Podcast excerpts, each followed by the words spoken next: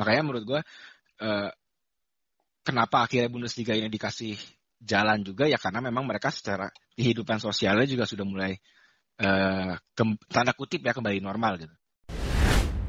Mereka diakui sebagai salah satu negara yang paling baik dalam menangani virus ini. Hmm. Jadi rasio kematian mereka itu salah satu yang terendah gitu dan mereka punya fasilitas kesehatan uh, yang sangat memadai gitu.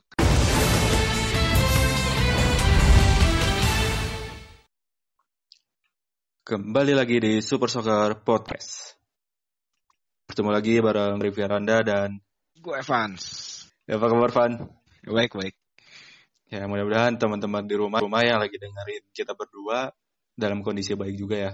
Betul, amin. amin. Tetap sehat, yang puasa puasanya masih lancar sampai akhir amin. nanti. Akhirnya kapan sih? Akhirnya itu nanti tanggal 23, Van. 23 Mei. Oke. Okay. Jadi 24 tuh udah lebaran. Hmm. Uh, ini Masih udah mas... boleh pulang kampung ya? Ya belum boleh pulang kampung. Oh, kan ada peraturan. Jadi kita karantina masih karantina sendirilah. Ya. Oke. Ini udah masuk minggu kedua nih Van. Akhirnya ada kabar gembira dari salah satu liga top Eropa nih. Hmm, hmm, hmm. Sudah dengar, sudah dengar. Ya pasti pasti sudah banyak yang dengar lah tentang ini ya bahwa Bundesliga akan kembali memulai kompetisinya kembali nih, Van. Betul. Itu dia. Jadi kayak ada tontonan lagi, Van ya? Iya, betul, betul banget tuh. Walaupun sebenarnya bukan ini ya, bukan yang pertama ya. Iya. Karena tapi seenggaknya buat kita nggak asing lah gitu. Karena kan sebelumnya itu kemarin ya, itu ada Liga Korea ya, yang udah ya, Korea Selatan jalan. udah mulai berjalan. Itu sedikit jadi apa ya penghibur ya? Penghibur cuman gue nontonnya tuh kayak apa ya kayak karena udah lama gak nonton bola dan itu gak ada penonton gue ngerasanya tuh kayak apa kayak cuman siaran ulang gitu bukan live.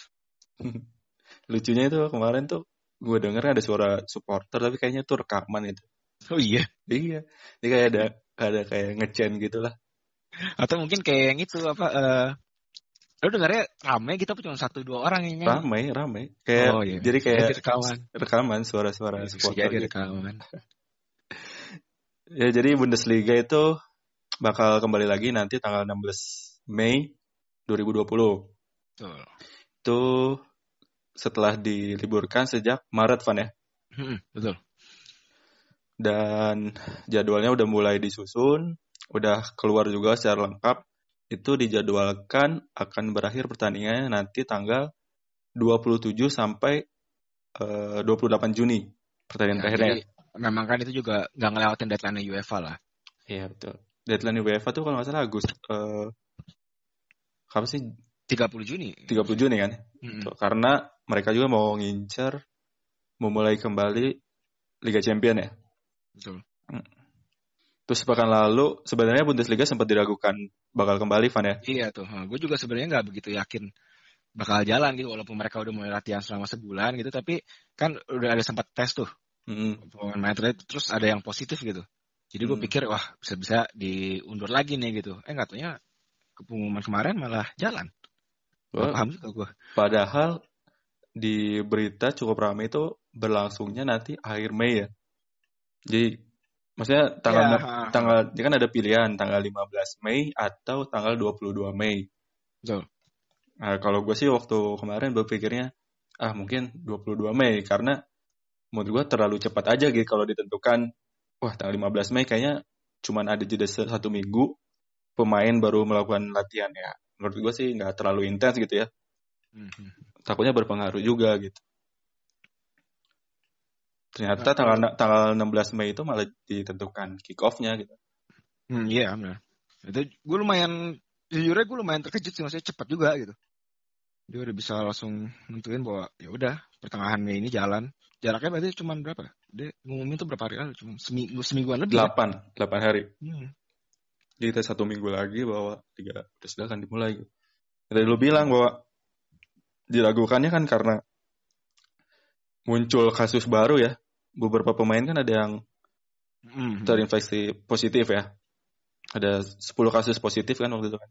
Ya, tapi yang kan eh, yang paling ramai itu sebenarnya yang gara-gara dua, dua pemain sama satu staff recall Hmm, Tapi terus uh, pas pas tes kedua mereka negatif. Hmm. Mungkin itu jadi salah satu ini ya, salah satu alasannya uh, Bundesliga berani ya. Hmm. Berani memulai Gitu, menurut gue sih sebenarnya yang perlu kita jelaskan, yang perlu kita bahas di sini gitu ya. Itu sebenarnya alasan kenapa Bundesliga bisa lebih cepat dimulainya gitu di antara liga-liga top Eropa yang lain. Hmm, padahal mereka benar dong. Ha Iya, Karena kan uh, pertanyaannya adalah uh, Prancis batal gitu. Udah udah kelar, Belgia juga, terus uh, Belanda. Belanda juga. Ha -ha. Terus ya kan masih kekeh itu kan Jerman, Inggris, Itali. Hmm, Spanyol. Nah, oh iya Spanyol juga. Eh iya tadi gue salah ngomong berarti Spanyol. Nah uh, kenapa mereka bisa ini tuh sebenarnya menurut gue agak ini ya agak uh, ini udah konteksnya di luar sepak bola gitu bagaimana jadi soal penanganan uh, negara tersebut sebagai uh, ke pandemi si COVID-19 ini. Hmm. Ya karena kasusnya juga bukan sedikit ya, Van. Ya? Nah, benar. Kasus. Jadi kalau lu baca tuh uh, COVID-19 di Jerman tuh sebenarnya salah satu yang tertinggi di Eropa. Oh, total berapa, teman? Sekitar 170 ribu ya, tapi itu berdasarkan Worldometers. Oh, Ada okay. lagi yang bilang uh, cuma 107 ribu gitu. Jadi jadi uh, soal data ini masih memang sangat, tapi yang pasti adalah uh, semua sepakat bahwa mereka salah satu yang paling tinggi. Oh, oke. Okay. Nah, tapi uh, setelah gue apa cari tahu lebih lanjut gitu, ternyata memang uh, mereka diakui sebagai salah satu negara yang paling baik dalam menangani virus ini. Hmm. Jadi rasio kematian mereka itu salah satu yang terendah gitu, dan mereka punya fasilitas kesehatan uh, yang sangat memadai gitu. Karena kita tahu bahwa Jerman itu fasilitas kesehatannya memang kalau bukan yang salah apa salah satu yang terbaik di dunia gitu, bahkan jika bukan yang terbaik ya. Dan, itu unggul, unggul jauh gitu dibanding negara-negara Eropa lain. Dan mereka juga terbilang cukup gencar ya melakukan tes massal. Ya, betul. Kalau kan kalau saya tercatat sebanyak ya 964 ribu lah dilakukan hmm. tes itu Sebenarnya, per harinya kan. Eh per pekan. Kan, kenapa uh, tes massal ini menjadi penting itu karena jadi uh, ketika mengetahui angka pemerintah jadinya tahu apa yang harus dilakukan gitu. Terdeteksi gitu ya bukannya cuma sekadar tes oh dia positif masuk rumah sakit ya bukan gitu bukan begitu doang hmm. makanya kan harus menjadi pertanyaan kenapa tes massal itu tidak dilakukan secara cepat dan secara masif di Indonesia dari awal? Coba aja lihat gitu Jerman udah melakukan itu dan punya kemampuan dan kebetulan memang mereka memang mereka punya kemampuan ya. Dan tapi setiap, hasilnya ini hasilnya bagus. Dan hasilnya itu uh, apa ya kurva kurvanya itu kurva COVID-19 ini per beberapa pekan terakhir cukup turun gitu. Nah, gue sih nggak tahu kalau soal kurvanya, tapi yang pasti yang gue dapat adalah uh, reproduction rate-nya. Jadi uh, istilahnya itu kayak apa ya? Uh, soal penularannya lah. Hmm. Nah, jadi uh, katanya itu angkanya turun ke 0,65 yang artinya rata-rata dari 100 orang itu akan menginfeksi 65 orang. Jadi nggak langsung 100 terus berlipat ganda menjadi 100 gitu. Oke. Okay. Eh menjadi 200, sorry. Oke, okay, jadi ya, uh, pemerintah Jerman juga dalam beberapa pekan kemarin sudah mengendurkan ya. Aturan-aturan pembatasan sosial. Kayak beberapa toko uh, eh, gue baca udah udah mulai buka terus hmm, bisnis bisnis sudah mulai kembali berjalan gitu kan. Gitu apa sekolah juga ya. udah mulai dibuka gunting rambut. Anjir gue sampai sekarang belum gunting rambut. Tapi itu mes meskipun sudah mulai buka tapi tetap dalam pengawasan ya pengawasan dan kontrol hmm, yang ketat makanya menurut gue uh, kenapa akhirnya Bundesliga ini dikasih jalan juga ya karena memang mereka secara kehidupan sosialnya juga sudah mulai uh, ke, tanda kutip ya kembali normal gitu. Apalagi sepak bola menjadi salah satu sektor bis, bisnis ya. Hmm, udah udah jadi bisnis yang besar di Jerman. Bisnis besar betul. Ya tapi yang menarik tuh gue dapet info jadi gue baca.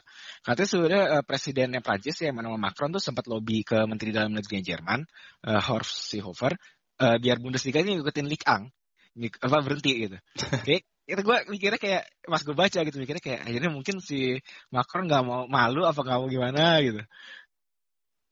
Yeah. Nyari nyari temen anjir, lu kayak kalau misalnya lu kabur dari sekolah gitu terus biar lu nggak diomelin sendiri, lu ngajak temen lu ikut kabur juga. Wi malah jadi sini ya kanselir Jerman ya kan?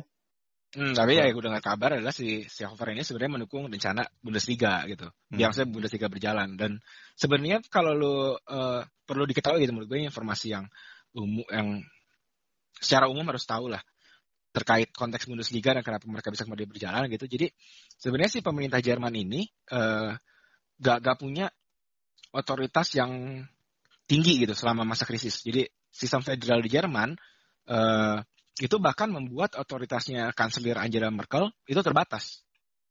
Hmm, okay. Ya, yang gue yang gue tahu adalah dia bisa buat permintaan atau anjuran gitu. Tapi yang lebih berkuasa terkait kesehatan, aspek kesehatan itu masing-masing lender, masing-masing daerahnya sendiri. Gitu lah. Hmm. Jadi, Jadi maka dari itu, maka dari itu permintaan Merkel gitu. Jadi kan sebelumnya itu pas lagi ngasih uh, pengajuan proposal dari DFL, katanya itu si Merkel tuh uh, minta para pemain sama staff dikarantina sama dua minggu. Itu malah jadi ini ya kalau karantina dua minggu jadi malah makin menghambat. Bukan menghambat oh, iya. sih menunda kan jadi menunda, menunda pasti menunda pasti bisa sampai akhir Mei baru jalan gitu. Tapi terus uh, beberapa kanselir melakukan penolakan eh bukan kanselir beberapa kepala daerahnya melakukan penolakan gitu. Jadi ya udah kita akhirnya bisa menikmati Bundesliga mulai pekan depan. Ya akhirnya kan si kanselir si kanselir Jermannya si Merkel ini memberikan lampu hijau ya. Ya betul. beberapa apa beberapa hari kemarin memberikan hijau bahwa Bundesliga diperbolehkan untuk kembali. Ya, gue cukup senang sih. Ya senang lah. Cuma kalau gak senang sih aneh banget aja. Iya. nah, menurut gue ya, apa? Jadi deh kita ingat-ingat dulu gimana sih Bundesliga tuh pas dihentiin tuh biar ini para teman-teman kita yang denger nih bisa ingat lah gitu. Jadi Bundesliga sebenarnya uh, di pertengahan musim ya itu sempat uh, jadi perbincangan juga karena peringkat 1 sampai peringkat 6 kalau nggak salah waktu itu sempat selisih poinnya tuh cuma satu dua gitu. Jadi kayak per, berapa itu? Mulai pekan pertengahan musim deh kalau nggak salah. Ya belasan. Berarti, uh, belasan. Di kayak Bayern Munchen sempat peringkat tiga kalau nggak salah waktu itu. Oh iya, kalau itu cuman iya. cuman beda dua poin sampai tiga tiga poin gitu. Gladbach kalau nggak salah juga pernah di peringkat satu. Iya, peringkat satu. Peringkat nah. satu. Jadi yang gue bilang tadi, jadi kayak Bundesliga musim ini, kayak awal-awalnya kayak, wah gila, kayaknya bakal ada juara baru nih, tuh kan. Hmm. Tapi ya, yang kita tahu kan persepsi orang, Liga Jerman tuh kayak, ah, akan ba akan bayar pada waktunya. Ya, akan bayar. Semua akan bayar pada waktunya. Semua akan bayar pada waktunya. Nah, sekarang ini udah kemarin terakhir tuh pekan 25 Bayern Munchen udah ada di peringkat pertama gitu. Hmm, ya ya. Tapi kan uh, walaupun berada di peringkat pertama, menurut gue secara empat besar itu masih semua masih bisa juara. Ya, apalagi selisih poinnya nggak terlalu besar sih. Ya, Gladbach, Gladbach yang di peringkat empat sama Bayern cuma beda enam poin. Hmm. 6 poin sih memang lumayan ya dua dua kali kalah ya, tapi menurut gue uh, sangat mungkin sih Ya dengan sisa masih ada 9, 9 pertandingan berarti kan. Mm -mm. Masih bisa ada inilah. Jadi Dortmund di peringkat 2 aja cuma beda 4 poin. Betul. Dan iya. lo, kalau lihat dari produk, produktivitas nih, lihat lo kan lihat produktivitas gol dari yang empat besar lah. Ini termasuk mm -hmm. deket-deketan juga gitu. Produktivitas gol nih ya? Ya produktivitas gol. Mm. Deket-deketan juga. Jadi ya sampai akhir musim nanti mungkin bakal banyak gol yang tercipta sih. Ya, Apalagi yang perebutan juara, siapa sih yang nggak mau mengakhiri tujuh tahun berturut-turut bayar Munchen juara loh, Pak. Iya, itu tujuh tahun saya. Kayak gue, gue sih pengennya antara Leipzig atau Gladbach ya. Walaupun kasihan juga Dortmund gitu, tapi kalau Leipzig atau Gladbach yang bisa juara menurut gue makin sensasional. Apalagi Leipzig nah, kan Leipzig kemarin sempat bikin kerepotan Liverpool juga kan. Oh iya. Liga Champion. eh, kok Leipzig? Leipzig, oh, di, Liga oh, Champion fase grup. Oh iya, gue gue ingetnya Atletico ya. ya tapi Leipzig juga menang kan lolos ke perempat final gara-gara iya. nyingkirin Tottenham. Hmm. Eh tadi lu ngomongin produktivitas gol Ki. Hmm. Kalau lu lihat di apa uh, daftar top scorer tiganya itu juga tiga tiga besar di klasemen. Ya, itu ada. Jadi pertama, pertama si Lewandowski, kedua hmm. Timo Werner, ketiga Jadon Sancho. Oke, tapi kalau menurut gue, ya, gue yakin lu pasti pengen ngomong soal Sancho ya kan? Iya, Iya, Sancho jauh. Ini kayak udah Lewandowski versus Werner sih nih. Iya, tapi kan maksud gue, kita juga nggak boleh lupa ada Halan gitu di Dortmund ya.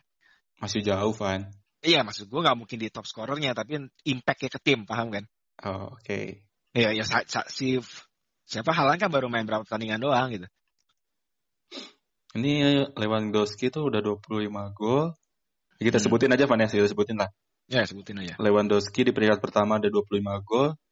Terus Timo Werner ada 21 gol di peringkat dua. Werner, Werner. Oh, Werner. Oh ya, Werner. Tapi itu jadi Timo Werner itu gue uh, gue nggak tahu sih benar apa salah tapi yang pasti gue dengar itu dari komentator pas Piala Dunia 2018 gue nggak tahu siapa komentatornya ya itu dipanggilnya namanya Werner bukan Werner oh oke okay. jadi W-nya tuh ganti V ya ya jadi kalau misalnya kalian ada yang bisa bahasa Jerman dan tahu caranya sampaikan aja langsung ke kita nanti jadi Timo Werner itu 21 gol terus ada Sancho 14 gol jauh ha. jauh jadi ya menurut gue perebutan gelar top skor tinggal dua nama aja sih pak Hmm. Nah Lewandowski itu kalau berhasil tuh bakal tiga yang berturut-turut tiga kali. Hmm oke. Okay. Jauh ini dia udah dapat empat, gitu. Jadi kalau dia dapat lagi musim ini tiga kali berturut-turut dan uh, lima apa totalnya lima lima sepatu emas lah. Hmm. Sepatu emas gak sih bentuknya di sana? Ya tapi tetap aja lah di Nah, Isti kalau istilahnya. Iya istilahnya. Dan kalau tiga kali berturut-turut, uh, dia itu nyamain rekornya Gerd Muller. Hmm, oke. Okay. Belum pernah ada yang tiga kali berturut-turut selain Gerd Muller itu. Bahkan Gerd Muller pun yang pas ke, uh, tiga berturut-turutnya itu dia uh, harus bagi dua gitu sama Jupp, Jupp Heynckes. Hmm. Nggak, nggak sendiri. Ya, ya, itu. Jadi patut ditunggu nih, Pak ya. Apakah hmm, Lewandowski bisa mencetak rekor baru Betul. Enggak baru sih, tapi menyamai lah. Iya, nah, tapi kan rekor pribadi mereka. Rekor pribadi, betul. Nah, tapi uh, menurut gue juga sangat menarik untuk dinantiin sepak terjangnya si Werner ini. Salah satu uh, striker yang panas lah, ibaratnya komoditas panas di dunia sepak bola. Mencuri perhatian di musim ini ya. Iya. Apalagi ya. dengan rumor-rumornya ah, dia bakal gitu kan. Katanya Chelsea yang MU juga ngincar mereka, ngincar si Werner. Tapi Werner maunya ke Liverpool. Tapi hmm. Liverpool belum ngajuin apa pun. bahkan Liverpool ini ya apa kayak kalau gua nggak salah baca nggak bukan nggak terlalu tertarik gitu untuk mendatangkan Werner ini meskipun dia, meskipun, meskipun dia kekeh gitu. Mem mempertimbangkan bahwa dia punya Firmi apa trio film Firmansah ya. Agak ini sih memang. Ya mungkin kalau kalau kalaupun misalnya pindah maksud gua ke... kalau datang kalau datangin Werner si pemain sekali berferner berarti kan harus main. Harus di tim utama kan? Heeh, gitu loh. Lalu mau nyingkirin salah satu dari Mane, Firmino atau salah kan menurut gua enggak juga. Kalau salah satu pandit di apa ya? Di Inggris bilang kalau dia pengen ke Liverpool ya harus siap-siap jadi cadangan. Siapa gitu? Iya, gua, gua, gua lupa gitu namanya siapa. Nah, kalau itu sepakat sih. nah, uh, tapi uh, si Werner ini kalau dia misalnya jadi top scorer di Bundesliga musim ini, dia jadi jar orang Jerman pertama yang berhasil dapat sepatu emas setelah Alexander Meyer pada 2014-2015. Hmm, Oke. Okay. Nah yang menarik nih lo kalau mungkin gak banyak yang enggak ya. Jadi dalam satu dekade terakhir tuh hanya ada tiga orang Jerman yang pernah jadi top scorer. Siapa aja Van? Oh gue lupa. Tapi tiga orang gue yang masih tiga orang gue ingat. Oke, okay, tapi ya itu itu PR lah buat yang dengar lah. Tapi uh, mungkin nggak ada yang ngeh juga, Van. Kalau di zona degradasi di uh, Bundesliga sama ketatnya nih sama perebutan juara. Hmm. Jadi ini ada dari peringkat, kemudian dari peringkat 11, eh dari peringkat 12 sama 18 tuh masih ada kemungkinan loh, Pak. Kemungkinan buat perebutan degradasi. Ya, Karena peringkat 12-nya tuh poinnya 28 peringkat 18-nya terakhir poinnya 16. Dia cuma beda 12 poin gitu. Menurut gue 12 poin lumayan jauh sih. Mm-hmm. Tapi seenggaknya untuk lu ke playoff peringkat 16 ya masih kemungkinan lebar. Hmm, masih Karena lebar. di Dusseldorf 22 poin cuma beda 6 poin. Hmm. Yang miris ini ada Bremen ya. Iya, itu di peringkat pering, salah satu tim dengan nama besar di Betul. Bundesliga di peringkat 17 hmm. nih peringkat dengan poin cuma 18 poin ya segalanya sih mereka bisa bersyukur sih maksudnya Bundesliga itu dilanjutkan gitu nggak kayak Liga Prancis jadi mereka masih ada kesempatan untuk mempertahankan rekor mereka di Bundesliga gitu hmm. Karena kemarin kan kasihan juga sih yang Liga Prancis itu ya. Iya langsung di. Nah itu menurut gue nanti akan kita bahas tuh soal itu karena jadi apa sih pentingnya si Bundesliga ini dilanjutin? Hmm. Itu untuk gue bakal bahas itu juga. Tapi menurut gue sebelum itu uh, lebih baik kita ngomongin uh, perubahan apa aja sih nih yang bakal terjadi nih. Maksudnya kan ini jalan nih, tapi apakah seperti semula atau ada beberapa penyesuaian gitu, ada protokol-protokol yang harus diikuti? Menurut gue itu lebih penting. Oke, nanti kita lanjut di sesi kedua aja, Van ya. Betul. Kita bahas secara lengkapnya apa saja yang tadi lo bilangin. Iya. Oke, kita lanjut di sesi kedua.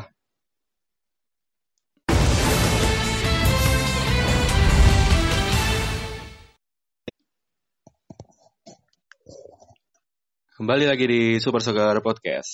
Di tadi kita berdua, gue sama Evan udah ngebahas uh, apa ya Bundesliga mulai kembali lagi ya, nanti umum ya. secara umum lah mulai kembali lagi bahwa mereka akan mulai kompetisinya kembali nanti di tanggal 16 Mei.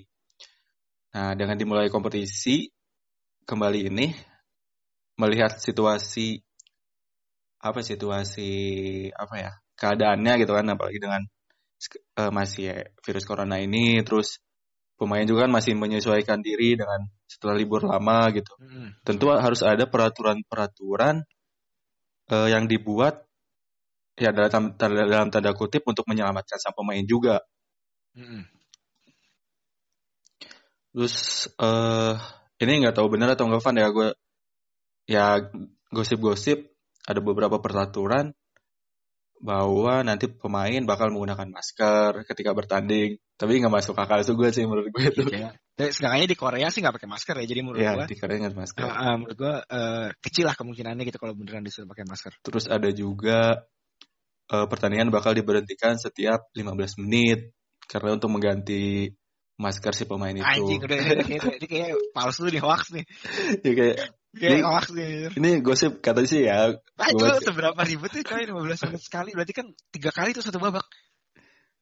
Iya gosipnya gosip. Iya ribet ribet ribet. Katanya sih gosipnya ini uh, rumor bocoran dokumen ketenaga ketenaga kerjaan Jerman. Tapi mungkin itu kalau, mungkin itu ini kali liga liganya menteri ketenaga kerjaan Jerman aja. Internal ya. Iya. Kenapa bikin ini kelas meeting? Tapi setelah ditelusuri lagi ternyata ada beberapa peraturan ya Van ya.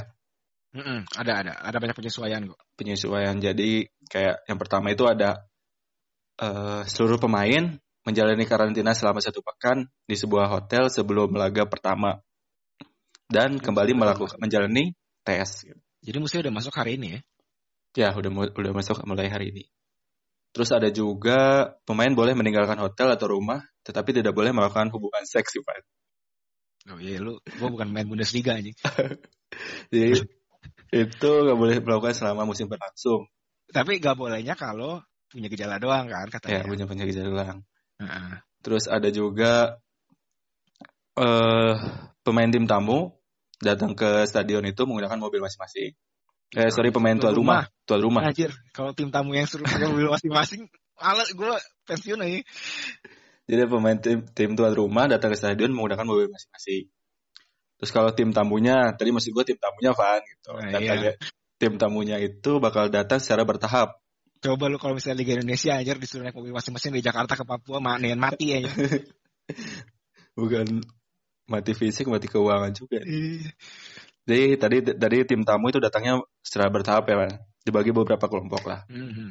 Terus jaga jarak, jaga jarak. Mm, terus menggunakan bis khusus juga. Ini bisa dibilang sebelum pertandingannya, Van ya.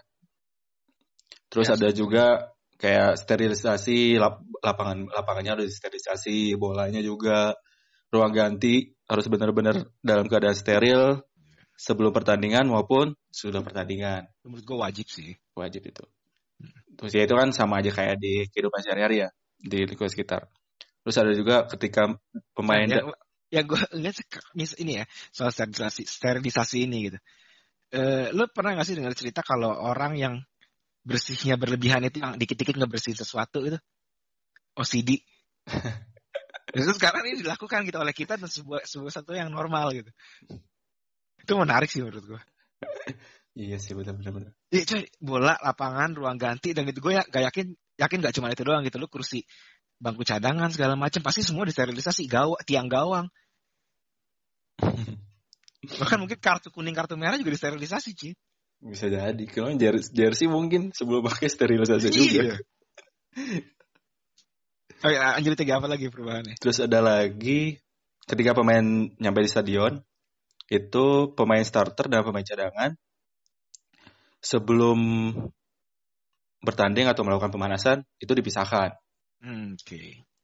Terus ada juga setelah pertandingan pemain maupun siapa pun itu harus langsung pulang ke diaman masing-masing. Terus kayak Nggak boleh ngelayap. ya, eh, nggak boleh ngelayap lah, nggak boleh mampir-mampir ke mana-mana dulu, jadi langsung langsung pulang. Terus ada juga kalau misalnya dilihat dari Liga Korea kemarin mungkin ketika salaman pertama itu udah nggak ada lah jabatan. Terus pelukan atau selebrasi itu ti- tidak ada dilakukan. Kemarin nggak nggak selebrasi tuh. Siapa sih nyetak lu lupa gue namanya? Ini gue nggak nonton, gue cuma nonton sampai menit berapa gitu masih kosong kosong. gue yang gue tahu adalah rekor kan pemain tua 40 tahun lebih ya. Terus ada juga kalau nggak salah terbaru eh buat supporter apabila mereka datang ke stadion, supporter tuan rumah itu tim tuan rumah langsung dinyatakan kalah, Van. Oh, hoax lu. Dinyatakan kalah. Hoax ini hoax. Wah, tapi kayak ngeri juga sih itu. Jadi dinyatakan kalah. Nih gue. Jadi pemain, eh sorry, Pak, si supporter itu kalau misalnya Kalau- datang, didiskualifikasi. Kalau misalnya gue supporter MU tapi gue lagi jalan-jalan terus nyasar gimana? Ya maksudnya datang ke stadion gitu loh, buat duduk langsung itu nggak boleh. Oh. Jadi kan pertandingan tanpa penonton. ya, di mana Nah, jadi untuk untuk mencegah kan kalau kalau mencegah untuk supporter itu datang. Jadi ke- apa apa ya namanya ya? Eh, hukuman berat lah gitu karena Oh iya. Ya. itu terjadi waktu pertandingan PSG lawan apa gitu tim tim Liga Jerman. Itu kan pertandingan sebenarnya tanpa penonton. Lawan Dortmund. Ya lawan Dortmund ya waktu itu ya. Tapi tapi kan di dalam stadion. Iya, Nah, ini eh, konteksnya kan maksudnya yang pe- penonton yang masuk stadion kan ketika itu kan mereka di luar. Ya, itu.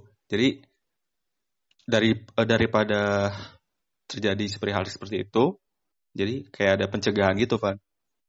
Serius ini gue nggak bohong itu jadi kayak Iya. ada penonton itu. Kayak memang sih gue tahu gitu pertandingan digelar sama penonton gitu. Istilahnya ya kalau di Jerman tuh katanya ghost games. Hmm. Gue entah kenapa hantu sih. Mungkin karena setiap pertandingan itu butuh kehadiran supporter gitu. Jadi disangkanya kalau nggak ada supporter tuh jadinya ghost game itu hantu yang nonton.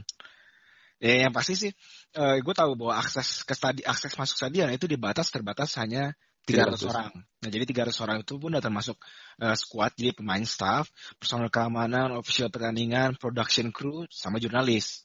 Gitu. Dan walaupun begitu, eh, masih ada kecemasan dari pihak kepolisian gitu. Walaupun laga digelar tertutup, eh, beberapa kelompok supporter akan tetap nekat datang ke stadion gitu. Menema- menemani tim yang bertanding dari luar.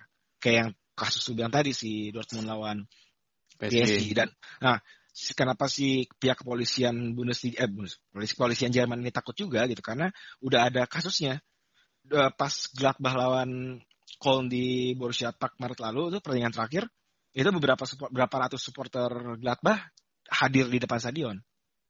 Hmm, oke. Nah, ta- tapi menurut gua hmm, kalau langsung dinyatakan kalah sih ini juga ya. Nanti kita lihat lagi.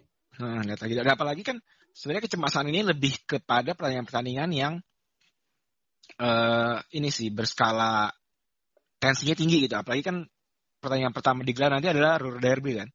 Hmm, Eh, pertandingan Revier- pertama. Revier Revier Derby Derby. ya itu. Ha, si Schalke, eh, Schalke lawan Dortmund. Hmm. Terus ini ada yang terbaru juga peraturan dari FIFA nih, Van. Nah, tuh. FIFA, FIFA menyetujui proposal FIFA untuk eh amandemen sementara law of the game di masa pandemi ini. Jadi, Oh. eh, jadi ada lima keputusan. Nah, ya. IFAB itu jadi kayak eh apa? Reg- eh, operator yang mengatur regulasi kompetisi lah, Basically mereka dewa anjir. ya sen- dewa lah gitu kan. Iya, mereka kan yang nentuin. Jadi itu ada lima lima keputusan ba- baru. Itu yang pertama itu ada setiap tim diizinkan untuk mengganti lima pemainnya. Nah, Hmm. Terus ada juga eh apalagi nih terus pergantian pemain tuh diberikan tiga kali kesempatan panggilan pemain pergantian jadi, Oh, jadi ag- ya jadi agar tidak mengganggu pertandingan setiap nggak tim boleh nggak boleh menit 10 1, menit 15 1, menit 20 1, menit 25 1, 25 1 gitu. ya jadi agar tidak mengganggu pertandingan setiap tim diberikan tiga kali kesempatan panggilan pergantian pemain jadi per- Itu- pergantian itu- pemain Itu taktik tuh ya. Mau lu 1 1 3, mau lu 2 1 2. iya kan? iya betul Taktik lu itu. Dan pergantian pemain juga boleh dilakukan saat turun minum Van. terus ada Tapi gue belum gue belum dengar kabar ini sih. Liga Jerman ngadopsi ini atau enggak. Hmm, tapi ini kan ya mungkin Iya kebebasan gitu. dengan eh, dengan ada waktu masih ada satu satu pekan gitu kan Nah, Terus maksud ada- gue eh, perlu diluruskan bahwa ini kan kebebasan. Jadi IFAB tuh ngasih IFAB kan namanya gue lupa lagi namanya. ya ngasih Ya, izin sebenarnya ngasih Ah, ah, ngasih izin. ngasih peraturan ini dan mengasih ngasih izin eh Ya kalau mau boleh gitu. kalau mau kalau boleh ya kalau nggak juga nggak apa-apa ah. terus ada ngambek ya. Hmm, nggak baper terus di nomor tiga itu jika kedua tim melakukan pergantian bersamaan maka akan dianggap menggunakan satu kesempatan pergantian Van ngerti nggak Nggak. jadi saat jadi pergantian dalam satu pertandingan itu dibagi tiga kali Nah, Nah, ada jatahnya. Jadi melakukan perganti itu nggak bisa lebih dari empat, Van. Ngerti nggak? Eh, nggak bisa lebih dari tiga. iya nggak bisa lebih dari tiga. Nah, tapi jumlahnya lima pemain. Iya. Nah, Nah, jadi, kalau dia melakukan pergantian bersamaan, jadi kalau misalnya pergantian bersamaannya dua, dua pemain langsung, berarti dihitungnya sekali sekali satu kali satu kali oh kesempatan. iya, Nah, maksud gue gitu. kan. Ngerti nggak sih? Enggak lo? dong, ini kan, ini kan yang kita bahas pergantiannya adalah kedua tim bukan dua pemain kan? Iya. Iya. Mm. Iya, Gitu loh. nggak mungkin dong misalnya MU eh, ganti pemain bersama dengan pas Liverpool ganti pemain terus Solskjaer bilang, eh, gue pakai apa kesempatannya lu ya? Kan enggak, Ya, gue ya juga tahu enggak. kalau itu anjing. Ya nggak gitu. Anjing, kalau ada yang mikir bisa kayak gitu, goblok banget peraturan sampah ini. Terus ada juga di eh urutan empat itu ada kesempatan untuk mengganti pemain yang belum dipakai, tapi dihitung sampai perpanjangan waktu. Ngerti nggak? Ah, ya, ya. Terus ada juga di mana semua kompetisi membolehkan pergantian pemain saat perpanjangan waktu. Maka setiap pemain menggunakan kesempatan tambahan untuk melakukan pergantian pemain dari tiga kali kesempatan. Ini khusus eh, mungkin ada apa kompetisi-kompetisi cup lah, piala-piala kayak Hmm. piala FA gitu-gitu yang butuh perpanjangan waktu atau apa gitu. Itu Pak, Pak menyetujui. Ya, yang penting jalan lancar aja lah. Hmm. Gue sebagai penikmat sepak bola udah lumayan bersyukur lah bisa balik. Karena Baiklah. menurut gue lanjutan kompetisi ini tuh penting gitu. Iyalah. Menurut gue alasan utamanya ya udah pasti uang sih. Hmm, oke. Eh, jadi eh, CEO CEO-nya Bundesliga gitu Christian Seifert tuh udah bilang kalau kalau misalnya liga dibatalin, sepertiga klub Bundesliga 1 dan 2 tuh udah pasti bangkrut. Ya kita nggak tahu ber- siapa aja yang di Bundesliga, siapa yang di Bundesliga 2, tapi yang pasti dia memprediksi ya berapa tuh 18 tambah ya berarti 10 klub lebih lah. Mhm. 10 klub lebih itu udah pasti bangkrut gitu. Karena eh, total yang di total hilangnya pemasukan itu sampai 750 juta euro. Oh, gede, gede juga teh. sebenarnya kan memang dalam beberapa pekan terakhir juga gue udah prediksi bahwa ini sebenarnya nih lanjutin kompetisi bukan semata-mata cuma demi ah olahraga gitu paham nggak Ya. bukan demi integritas olahraga doang tapi memang lebih kepada si soal uang ini. Dan menurut gue adanya pengakuan ini eh, ya lebih baik gitu. Dan mereka kebetulan Bundesliga gue ngelihatnya mereka nggak sepenuhnya mengorbankan pemain gitu. Jadi nggak nggak sembarangan bahwa Bundesliga bisa jalan cuma demi uang. Karena gue butuh uang eh Bundesliga bisa jalan dengan persiapan yang gue lakukan Hmm, Oke. paham dong Ya. nah karena kan walaupun meski dia digarap tanpa penonton gitu yang memang kerugiannya juga pasti gede banget karena diprediksinya itu katanya nyampe 100 juta euro totalnya dari Hmm. tiket tapi seenggaknya mereka masih dapat 300 juta eh 300 juta euro yang didapatkan dari eh hak siar Oh, Oke, jadi Nah. dapat 300 juta euro Heeh. dari kesepakatan hak siar. Nah, nah tapi ini menarik juga nih. Jadi soal tadi yang tadi kita bahas soal penonton. Hmm. Heeh. Eh, jadi katanya beberapa klub itu ingin kan kalau Sky ini kalau di luar negeri kan harus bayar ya. Hmm. Ha, Iya, jadi iya. kayak lu kabel gitu lah. Kayak langganan lah. Beberapa klub tuh untuk menghindari si supporter ini datang ke stadion, keluar stadion di luar stadion itu, eh, beberapa pemilik klub mendorong Sky untuk menggratiskan. Hmm. Oke. Tapi kita nggak tahu deh. Maksudnya gue belum dapat info apakah Sky memang akan menggratiskan atau enggak itu gue belum tahu. Iya, iya betul tuh. Nah terus eh, menurut gue juga kenapa ini penting untuk dilanjutkan udah pasti soal kontrak para pekerjanya, pemain, staff segala macam. Hmm, bahkan beberapa klub eh, ada yang tidak berani memperpanjang kontrak pemainnya kan karena keterbatasan jelas lah. finansial mereka. Jelas. Iya maksud gue eh, ketakutan itu kan pasti ya kita lu belajar dari yang satu yang berapa bulan kemarin ini bahwa ini kompetisi nggak jelas, musim depan juga nggak jelas gitu. Lu belum belum tentu berani. Jadi ke, oh ya betul sih. Jadi keberla- keberlanjutan kompetisi ini benar-benar ya sangat penting kan bagi klub-klub ya untuk menentukan selangkah strategi ke depannya lah men- menyambut kompetisi. Hmm. Dan dan gitu. gue ngeliatnya gini sih, eh, sebenarnya dengan melanjutkan kompetisi ini gitu dan balik lagi mereka memang udah siap ya untuk Hmm. melanjutkannya gitu, nggak nggak sembarangan.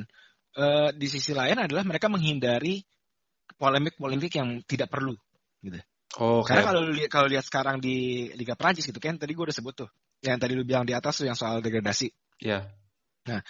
Itu banyak, eh, jadi kondisinya tuh sekarang klub-klub Prancis tuh terbagi dalam dua kubu. Mereka yang Hmm. mendukung sama mereka yang merasa dirugikan oleh kebijakan pemberhentian kompetisi ini. Kalau nggak salah tuh Lyon sama Amiens ya. Amiens. Ya, nggak ya gue gak tahu gimana cara baca. Amin lah. Amiens. Ya, itu eh, lu udah tahu dong bahwa mereka itu berdua bakal nempuh jalur hukum. Oh ya, karena tidak terima dengan keputusan liga yang diberhentikan. Hmm. Kalau nggak salah tuh Lyon tuh berapa tahun berturut-turut gitu udah selalu lolos kompetisi Eropa gitu. Jadi karena mereka nggak terima bahwa gara-gara keputusan ini eh, Mereka nggak akhirnya lolos. Nggak lolos. Nah, udah gitu selain di luar kerugian yang mereka dapatin, Hmm. eh, mereka itu sebenarnya kan mereka salah satu ke- paling kaya di Prancis ya. Iya, iya. Mereka tuh punya foundation dan foundationnya itu bekerja aktif dalam membantu komunitas yang masyarakat setempat. Iya. Jadi si pembelaan si Aulias adalah gue udah pakai uang gue sendiri, susah payah bertahan hidup, bantu terus lu impact balasannya ke gue begini gitu. Iya, apalagi kalau misalnya lihat dari di papan klasemen nih, Van. Lyon tuh di peringkat 7, ya. Lyon di peringkat 7, poinnya 40. Hmm. Cuman beda satu poin sama di peringkat eh, 5. Peringkat 5 bisa kualifikasi kan. Kalau main di Eropa itu poinnya 41. Ya pasti protes lah kalau kayak gitu mah.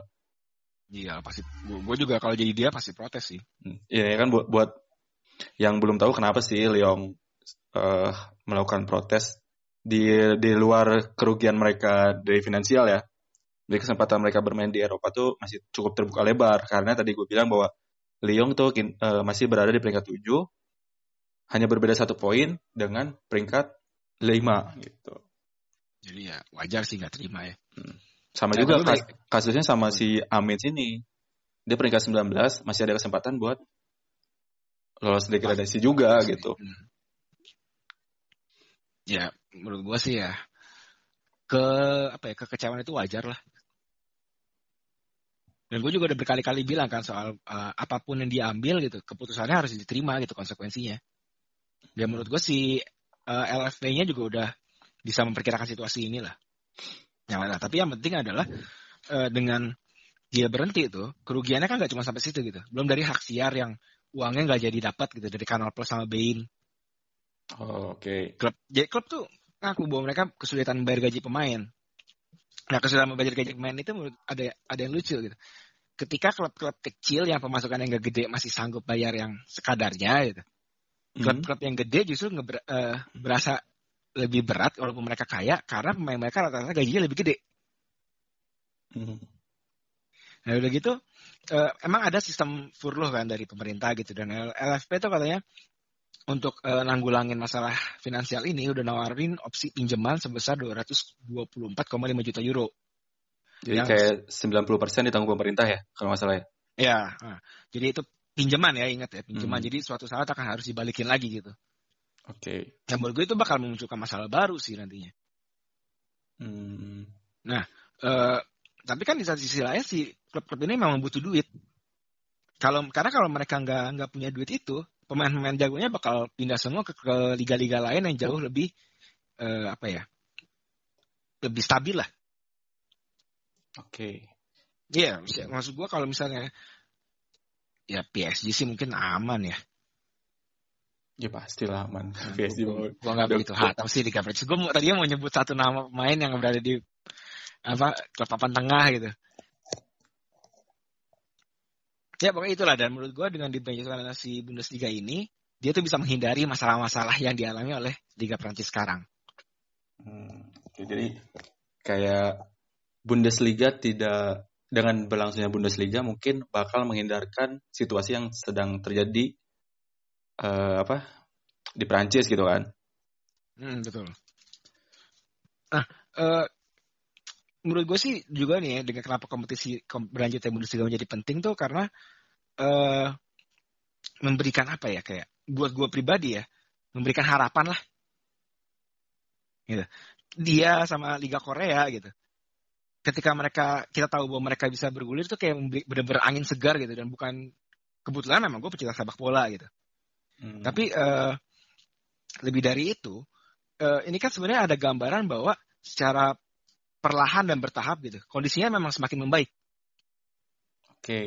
Paham dong. Harapan hmm. itu kan uh, harusnya dapat dipahami juga oleh negara-negara lain termasuk kita yang berada di Indonesia.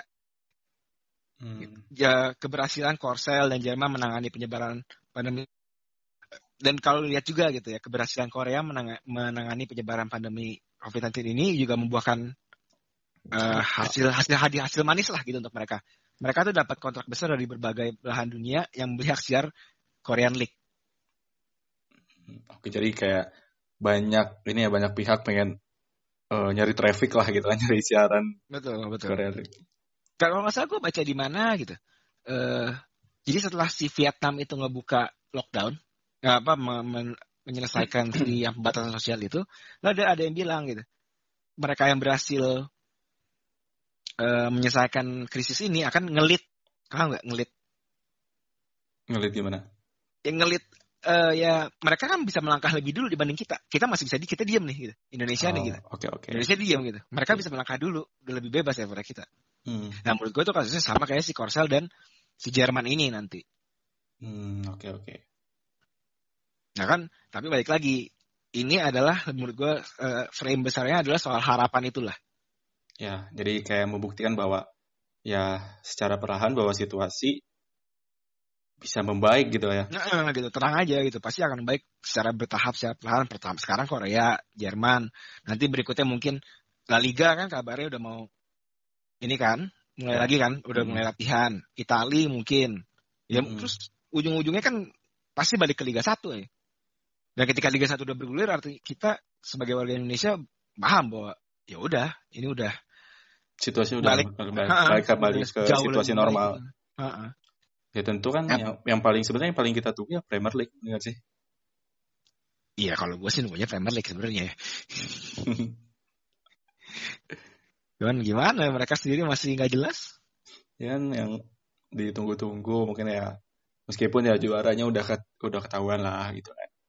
Tetap ya, ngomong ya. Tetap yang ditunggu kan Premier League-nya itu ya, loh. Gue sih gue, gue sih mau nunggu mau ngeliat ini Bruno Fernandes sama Paul Pogba. Dia main berduaan gimana? Terus sampai Rashford gitu. Waduh. Ngeri.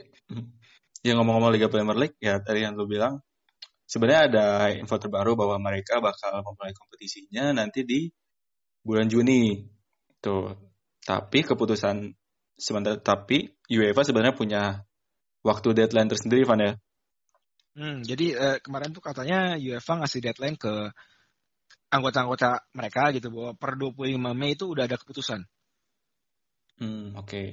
Jadi lu mau lanjut apa enggak segitu segala macam dan kalau misalnya enggak pun lu harus bisa ngasih argumen klub kenapa klub-klub ini yang pantas untuk lolos ke Liga Champion atau Liga Eropa gitu. Hmm. Ya penting adalah soal kepastian itu sih. Oke. Ngomong Liga Premier ngomong Liga Premier Inggris, Ya karena ada beberapa apa ya uh, info juga atau berita juga bahwa mungkin mungkin bahwa Liga Premier League sisa pertandingan bakal dilakukan tempat netral.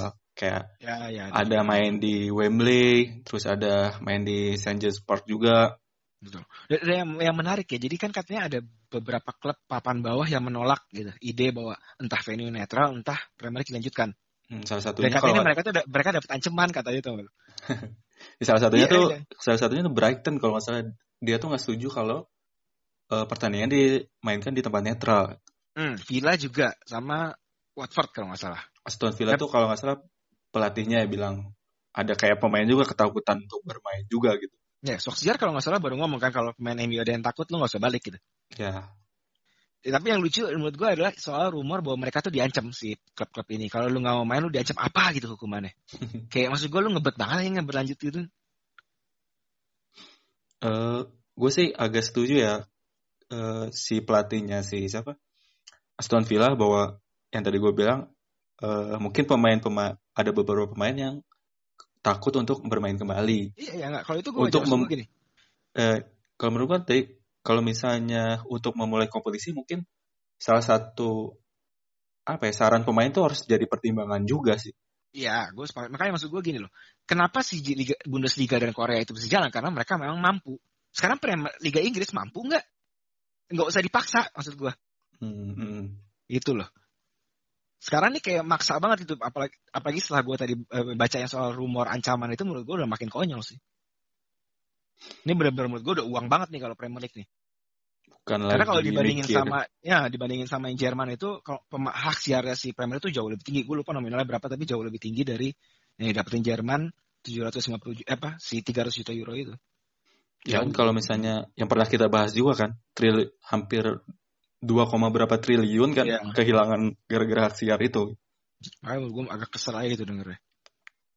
Ya bukan lagi yang tadi kita bahas, bukan lagi tentang unsur sep olahraga secara murni ya di sini. Hmm. Karena eh, maksud gue sekarang soal venue netral juga gitu. Ada yang bilang kan ntar men- mengurangi integritas sepak bola gitu. Ya ampun, menurut gue integritas sepak bola kayak apa sih yang lu pengen tegakkan gitu? Di ya kayak sekarang lu beradaptasi gitu. Gak usah inilah. Kalau memang urgensinya ada soal uang ya, gue gak bisa ngomong banyak sih sebenarnya. Karena emang perputaran uang di Premier itu ya gila-gilaan sih. Heeh, heeh. Dan ada, ada banyak yang mentakutkan bahwa jika Premier League berhenti gitu, mereka nggak bisa pulih dalam waktu cepat gitu. Hmm. Jadi ibaratnya lu udah nyampe lantai, kan dia udah nyampe bo- level boss nih. Kalau di game tuh, Hmm. Lu lupa nge-save aja lu balik restart lagi ke paling awal. Ya mungkin gak paling awal lah, tapi seenggaknya bakal mundur lah gitu soal perputaran uangnya. Ya, mungkin jadi intinya kembalinya Bundesliga ini bisa menjadi eh, angin segar ya bagi industri Ya. sepak bola. Betul. Dan Terus- apalagi kalau mereka berhasil kan kemudian bisa dicontohkan sama liga-liga lain kan. Ya, jadi bisa menjadi tolak ukur Mm-mm, betul.